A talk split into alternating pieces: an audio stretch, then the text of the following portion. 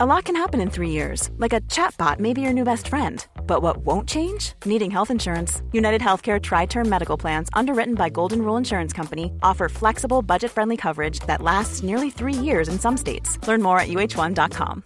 Hi, I'm Daniel, founder of Pretty Litter. Cats and cat owners deserve better than any old fashioned litter. That's why I teamed up with scientists and veterinarians to create Pretty Litter. Its innovative crystal formula has superior odor control and weighs up to 80% less than clay litter. Pretty Litter even monitors health by changing colors to help detect early signs of potential illness. It's the world's smartest kitty litter. Go to prettylitter.com and use code ACAST for 20% off your first order and a free cat toy. Terms and conditions apply. See site for details.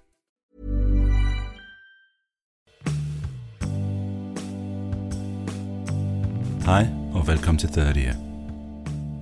Forestil dig en sommerdag. Du er i København. Du sidder alene, måske på en café, og kigger på mennesker på gaden. Ikke så langt væk, så sidder der to unge mennesker. De sidder over for hinanden. De snakker ikke. Han kigger lidt ned. Hun kigger på ham. Hvis du er ligesom mig, så tænker du, hvad er det, man, der foregår imellem de to? Er de ved at blive forelsket? Er de ved at gå for hinanden? Har han gjort noget forkert? Har hun? Hvad er det, de ikke vil sige til hinanden?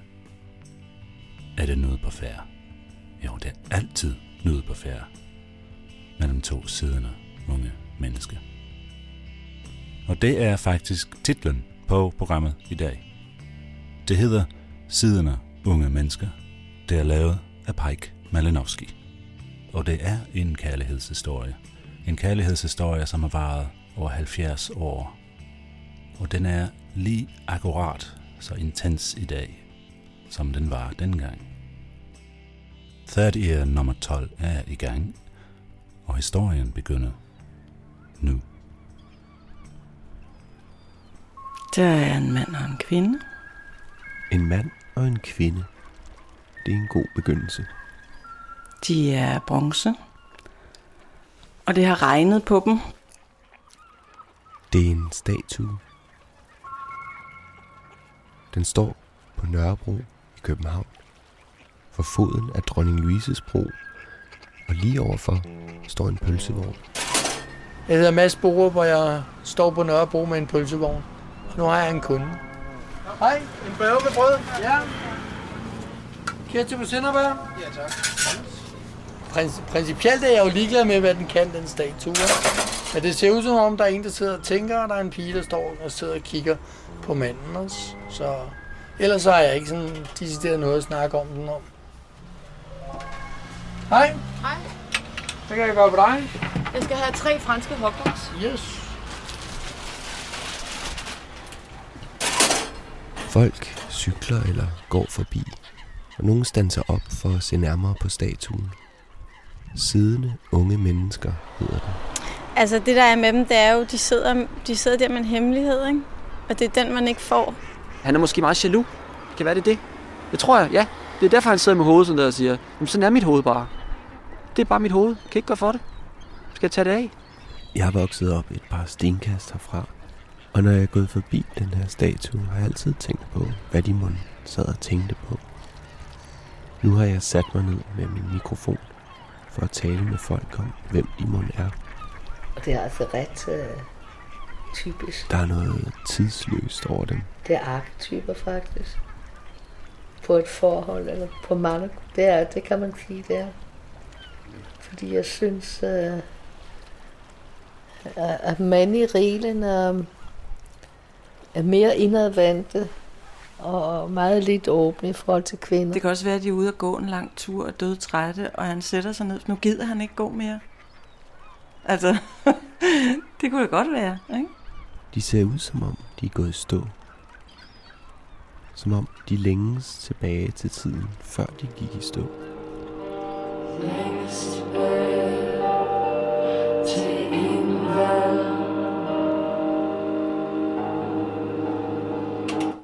Super.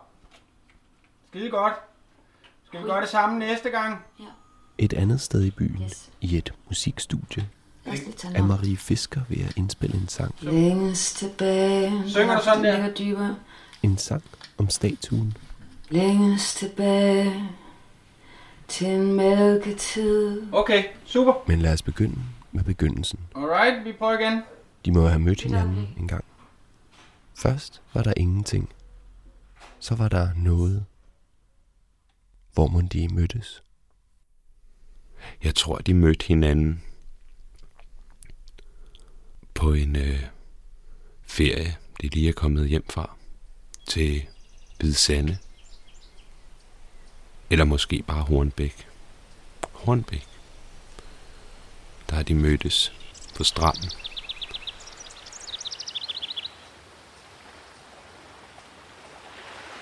Det hele var der. Der var badeparasoller.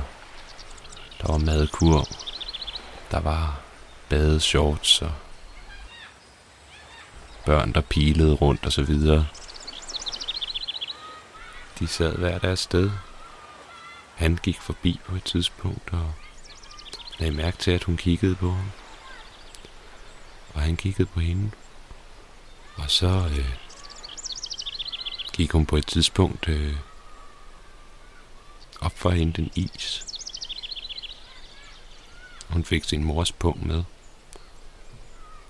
Så gik han efter. Og så stod de der ved iskiosken inde i, inde i grænplantagen. Og hun smilede, men blev generet og kiggede ned på sine sko. Og han gik hen og præsenterede sig og sagde hej. Jeg hedder Claus. Og så fnisede hun, og så snakkede de sammen derfra. De fandt ud af, at hun boede herinde på Nørrebro, og han boede lige derude ved Bispebjerg Kirke, og han havde faktisk noget, han skulle den her søndag her. Og så løb de mod hinanden på en eller anden måde, og fik sat det her møde i stand. Nu sidder de der. Nu sidder de der, forelskede. Og folk går forbi og længes efter deres egen kærlighed. Men det skifter jo lidt, øh, hvad man øh, synes om de der to, fordi at de altid er der, og man ser dem tit. Og ligesom med så mange andre kunstværker, så øh, forandrer det sig jo med det humør, man selv har. Er man øh, lykkeligt forelsket, så ser de faktisk lykkeligt forelsket ud. Og har man en krise, så har de det også. De kunne måske godt have rykket stolene tættere på hinanden, men det har de ikke gjort. Hvis nu hun havde været lidt mere nedringet, hvad hun nu ikke er, så kunne man, ville man kunne sammenligne hendes hud på overarmene med huden på brysterne. Hvilket godt kan være interessant, men det kan man ikke her. Men ja, stadigvæk kan man se formerne, og de er, de er meget velformede. Øh, Smukke bryster, hun har. Det kunne også være, at hun er kommet for at fortælle ham noget. Og så må det handle om graviditet, tror jeg. Hun er kommet for at betro ham, at, at hun er gravid. Og det tager han ikke fra den positive side. Det øh, hensætter ham i opgivenhed.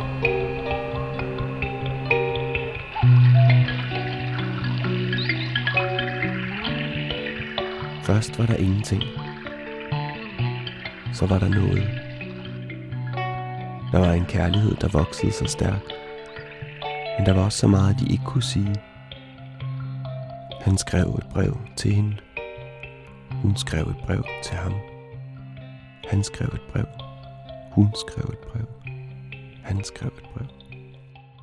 Hvordan kan jeg tale til dig? Jeg er udmattet af søvnløshed. Din krop holder mig vågen. Hver gang jeg lukker øjnene, ser jeg den for mig, påklædt, afklædt, i alle tænkelige og alle tænkelige vulgære positurer. Og når vi sidder foran dit hus, og du taler til mig, og lyset rammer dit hår, så det forvandler sig til en sidrende, bølgende kornmark, så hører jeg dig ikke. Din krop holder mig adskilt fra din stemme. Jeg vil røre ved dig, og jeg kan ikke. Hvordan skulle jeg ture det? Række ud og lad min hånd kærtegne den solbrændte hud ved dit håndled. Famle grådigt over dit bryst, dit skød. Vær for hård og klodset. Jeg ville kaste mig over dig som et vildt dyr. Det er det, der er så beklageligt. Så jeg kan ikke røre ved dig. Jeg kan ikke høre, hvad du siger. Men når jeg indimellem våger at kaste et blik på dit ansigt og din talende, smilende mund, ved jeg, at du ikke foragter mig. Måske tror du, at jeg er nedtrykt, fortvivlet, når jeg sidder der med hovedet i hænderne og ser ned. Måske tror du, at jeg foragter dig. Måske tror du, at det er min strenge fars evige hånligheder, der plager mig. Eller at du keder mig. Det er fortvivlende.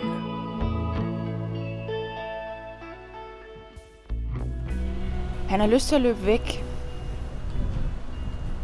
Men han ved godt, at det ville være i strid med, med alt. Så han har faktisk lyst til at løbe ud af sin krop og løbe væk fra den. Og så lade den sidde her og leve op til sig selv. Måske er han allerede løbet væk. Ja. Han er løbet ud af knæskallen. Det er sådan, det er sevet ud af ham. Og hendes øh, hænder er samlet i sådan en... Øh, jamen, hvad skal vi gøre ved det? Jamen, hvad så? Hvad skal, hvad skal vi stille op?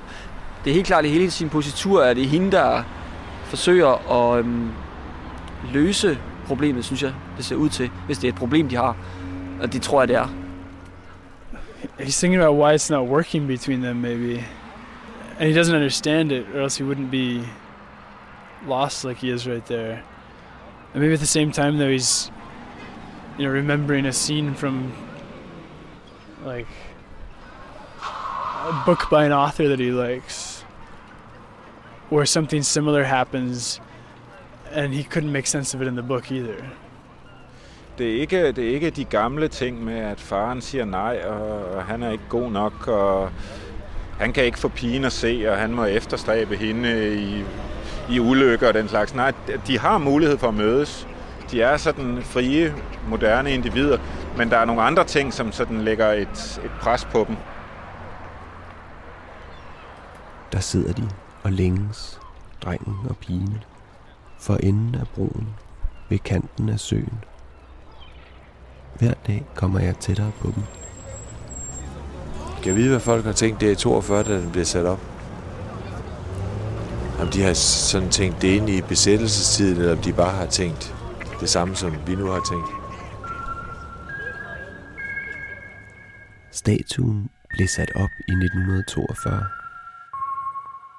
Der var krig i Danmark. Hvad hvis det handlede om krigen? Hvem er de så? Måske er han modstandsmand.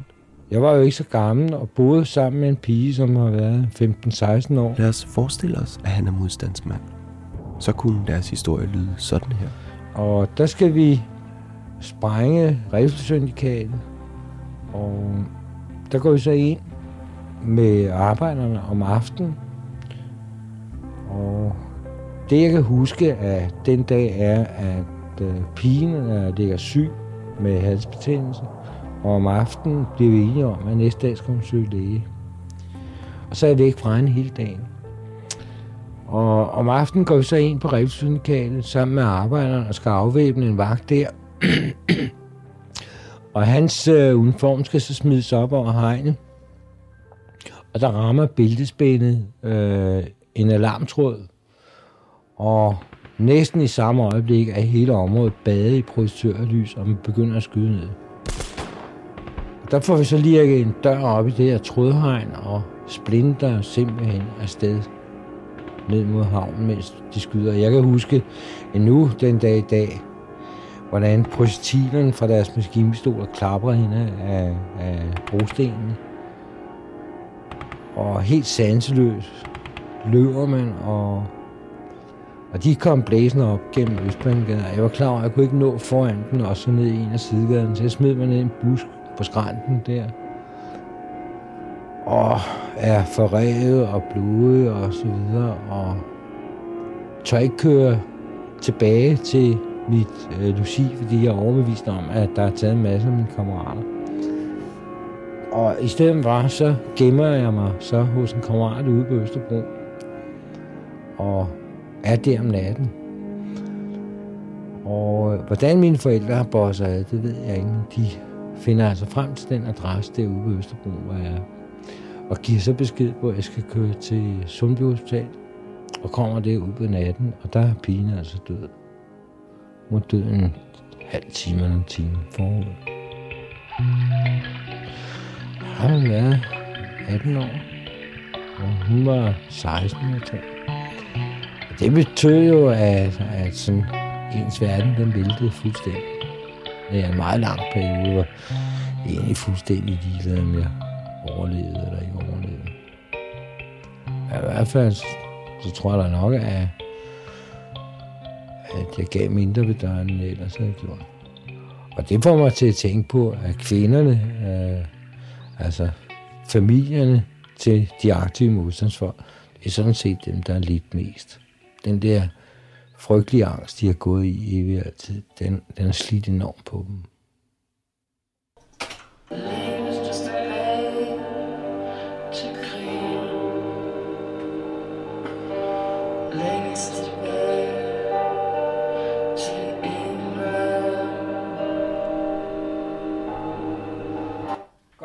Det var fedt.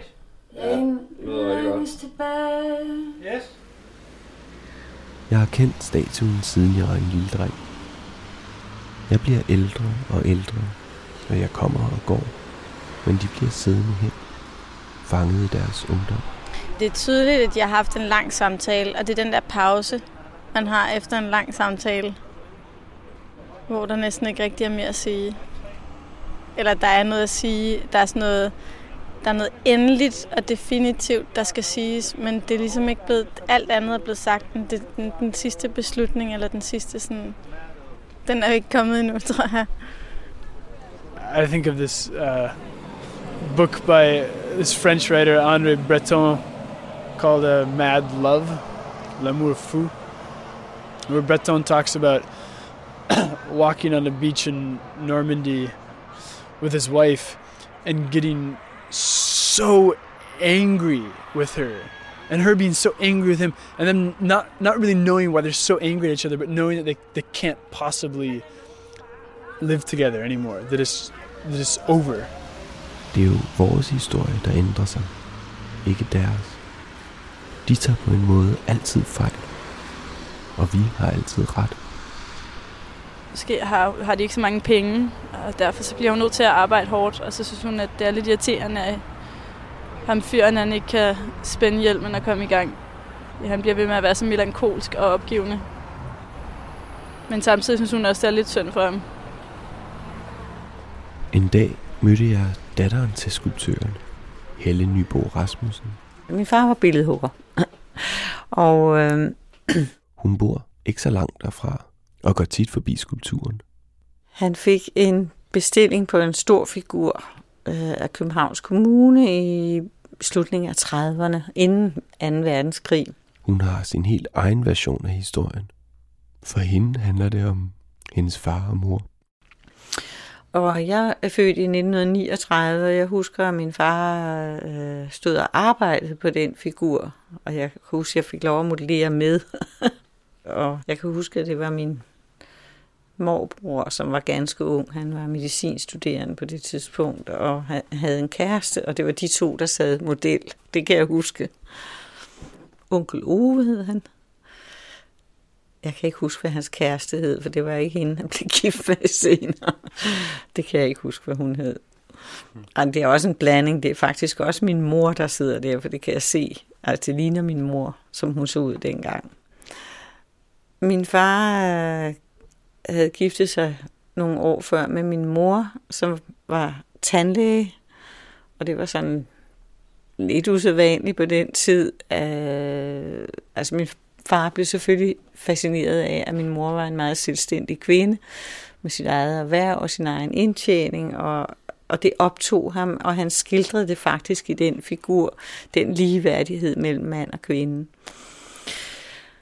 Og heldigvis var han den type, fordi der var mange kunstnere på, på min fars tid, som var Altså, de havde en kunstnerkone, der passede dem. Altså, de var pattebørn, mange af dem. og de var ansvarsløse også mange gange. Altså, det husker jeg. Øh, og der har vi jo været heldige, at min far har været utrolig omsorgsfuld. Altså. Selvom han fik de store opgaver, så tjente han ikke så mange penge. Så det var ham, der passede os. Og han, øh, han havde jo den rolle, som jeg vil sige, mange mænd har i dag. at, øh, at det var ham, der tog sig af meget af husarbejdet og sådan noget. Ikke? Det har været en helt ny verden for ham, og han havde også svært ved, der var mange ting, han havde svært ved. Altså, så det er nok derfor, han ser lidt spekulativ ud. Fordi jeg tror, samtidig med min far har været glad for min mor, havde sit eget arbejde og var selvstændig og uddannet og alt det der. Samtidig drømte han altså også om det der med den her kunstnerhustru, der skulle sidde model og arme børn, og, og det tror jeg også har været virkelig svært for min mor, altså, fordi hun skulle faktisk helst spille alle rollerne. Ikke? Han lavede for eksempel, han lavede ikke mad, han var ikke god til at lave mad. Altså, vi levede af et spejlæg, dengang jeg var barn, ikke? Det kunne han lave. Rigtig lave mad? Nej, det kunne han ikke. Altså, det lærte han aldrig. Det ville min mor have nyt, ikke? At maden stod på bordet, når hun kom hjem. Men det gjorde den ikke. Hun knoklede hjem med sine indkøbsposer, ikke? Og med toget, og så kom hun hjem kl. 9 om aftenen, og så begyndte hun at lave mad, og min far var sur over, at hun kom så sent. Ikke? Men han kunne have lavet maden, kunne han ikke? Altså. Ja, det kan man se bagefter. Det kan være, det er det, de diskuterer der. Hvad ved jeg?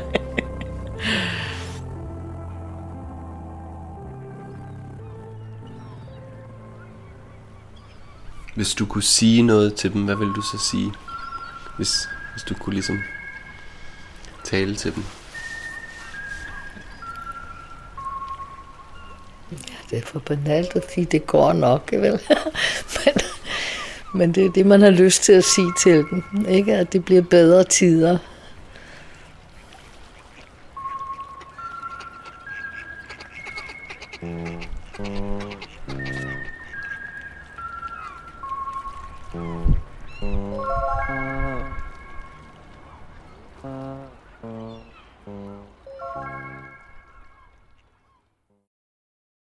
Hver dag rykker jeg min skammel længere væk fra dig.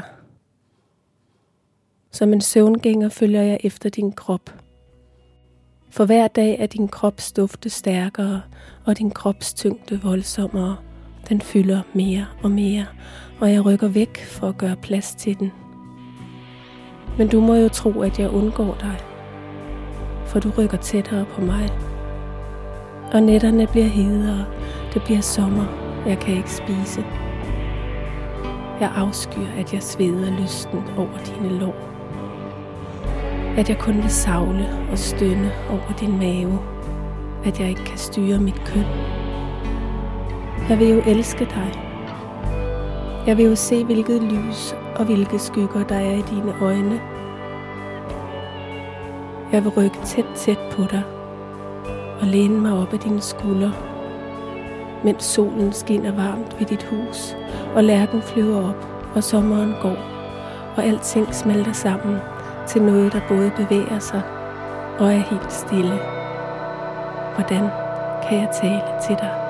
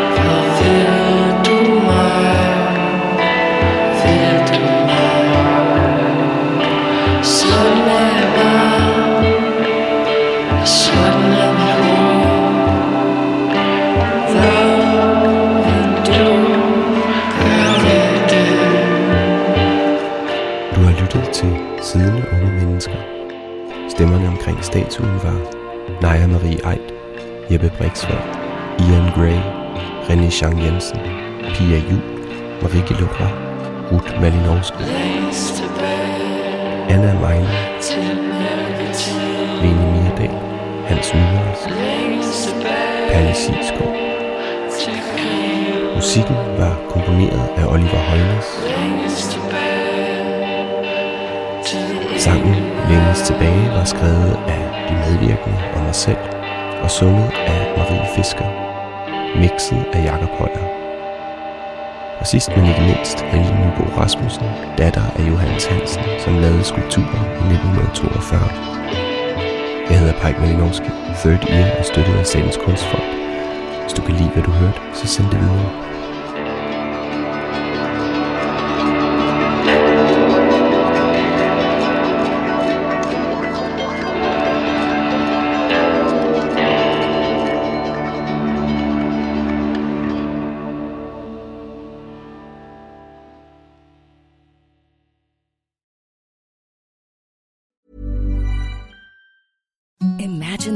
Softest sheets you've ever felt. Now imagine them getting even softer over time. That's what you'll feel with Bowl and Branch's organic cotton sheets. In a recent customer survey, 96% replied that Bowl and Branch sheets get softer with every wash. Start getting your best night's sleep in these sheets that get softer and softer for years to come. Try their sheets with a 30-night guarantee. Plus, get 15% off your first order at bowlandbranch.com. Code BUTTERY. Exclusions apply. See site for details. Hey, it's Paige DeSorbo from Giggly Squad. High quality fashion without the price tag. Say hello to Quince. I'm snagging high-end essentials like cozy cashmere sweaters, sleek leather jackets, fine jewelry, and so much more. With Quince being 50 to 80% less than similar brands. And they partner with factories that prioritize safe, ethical, and responsible manufacturing. I love that. Luxury quality within reach. Go to quince.com slash style to get free shipping and 365 day returns on your next order. Quince.com slash style.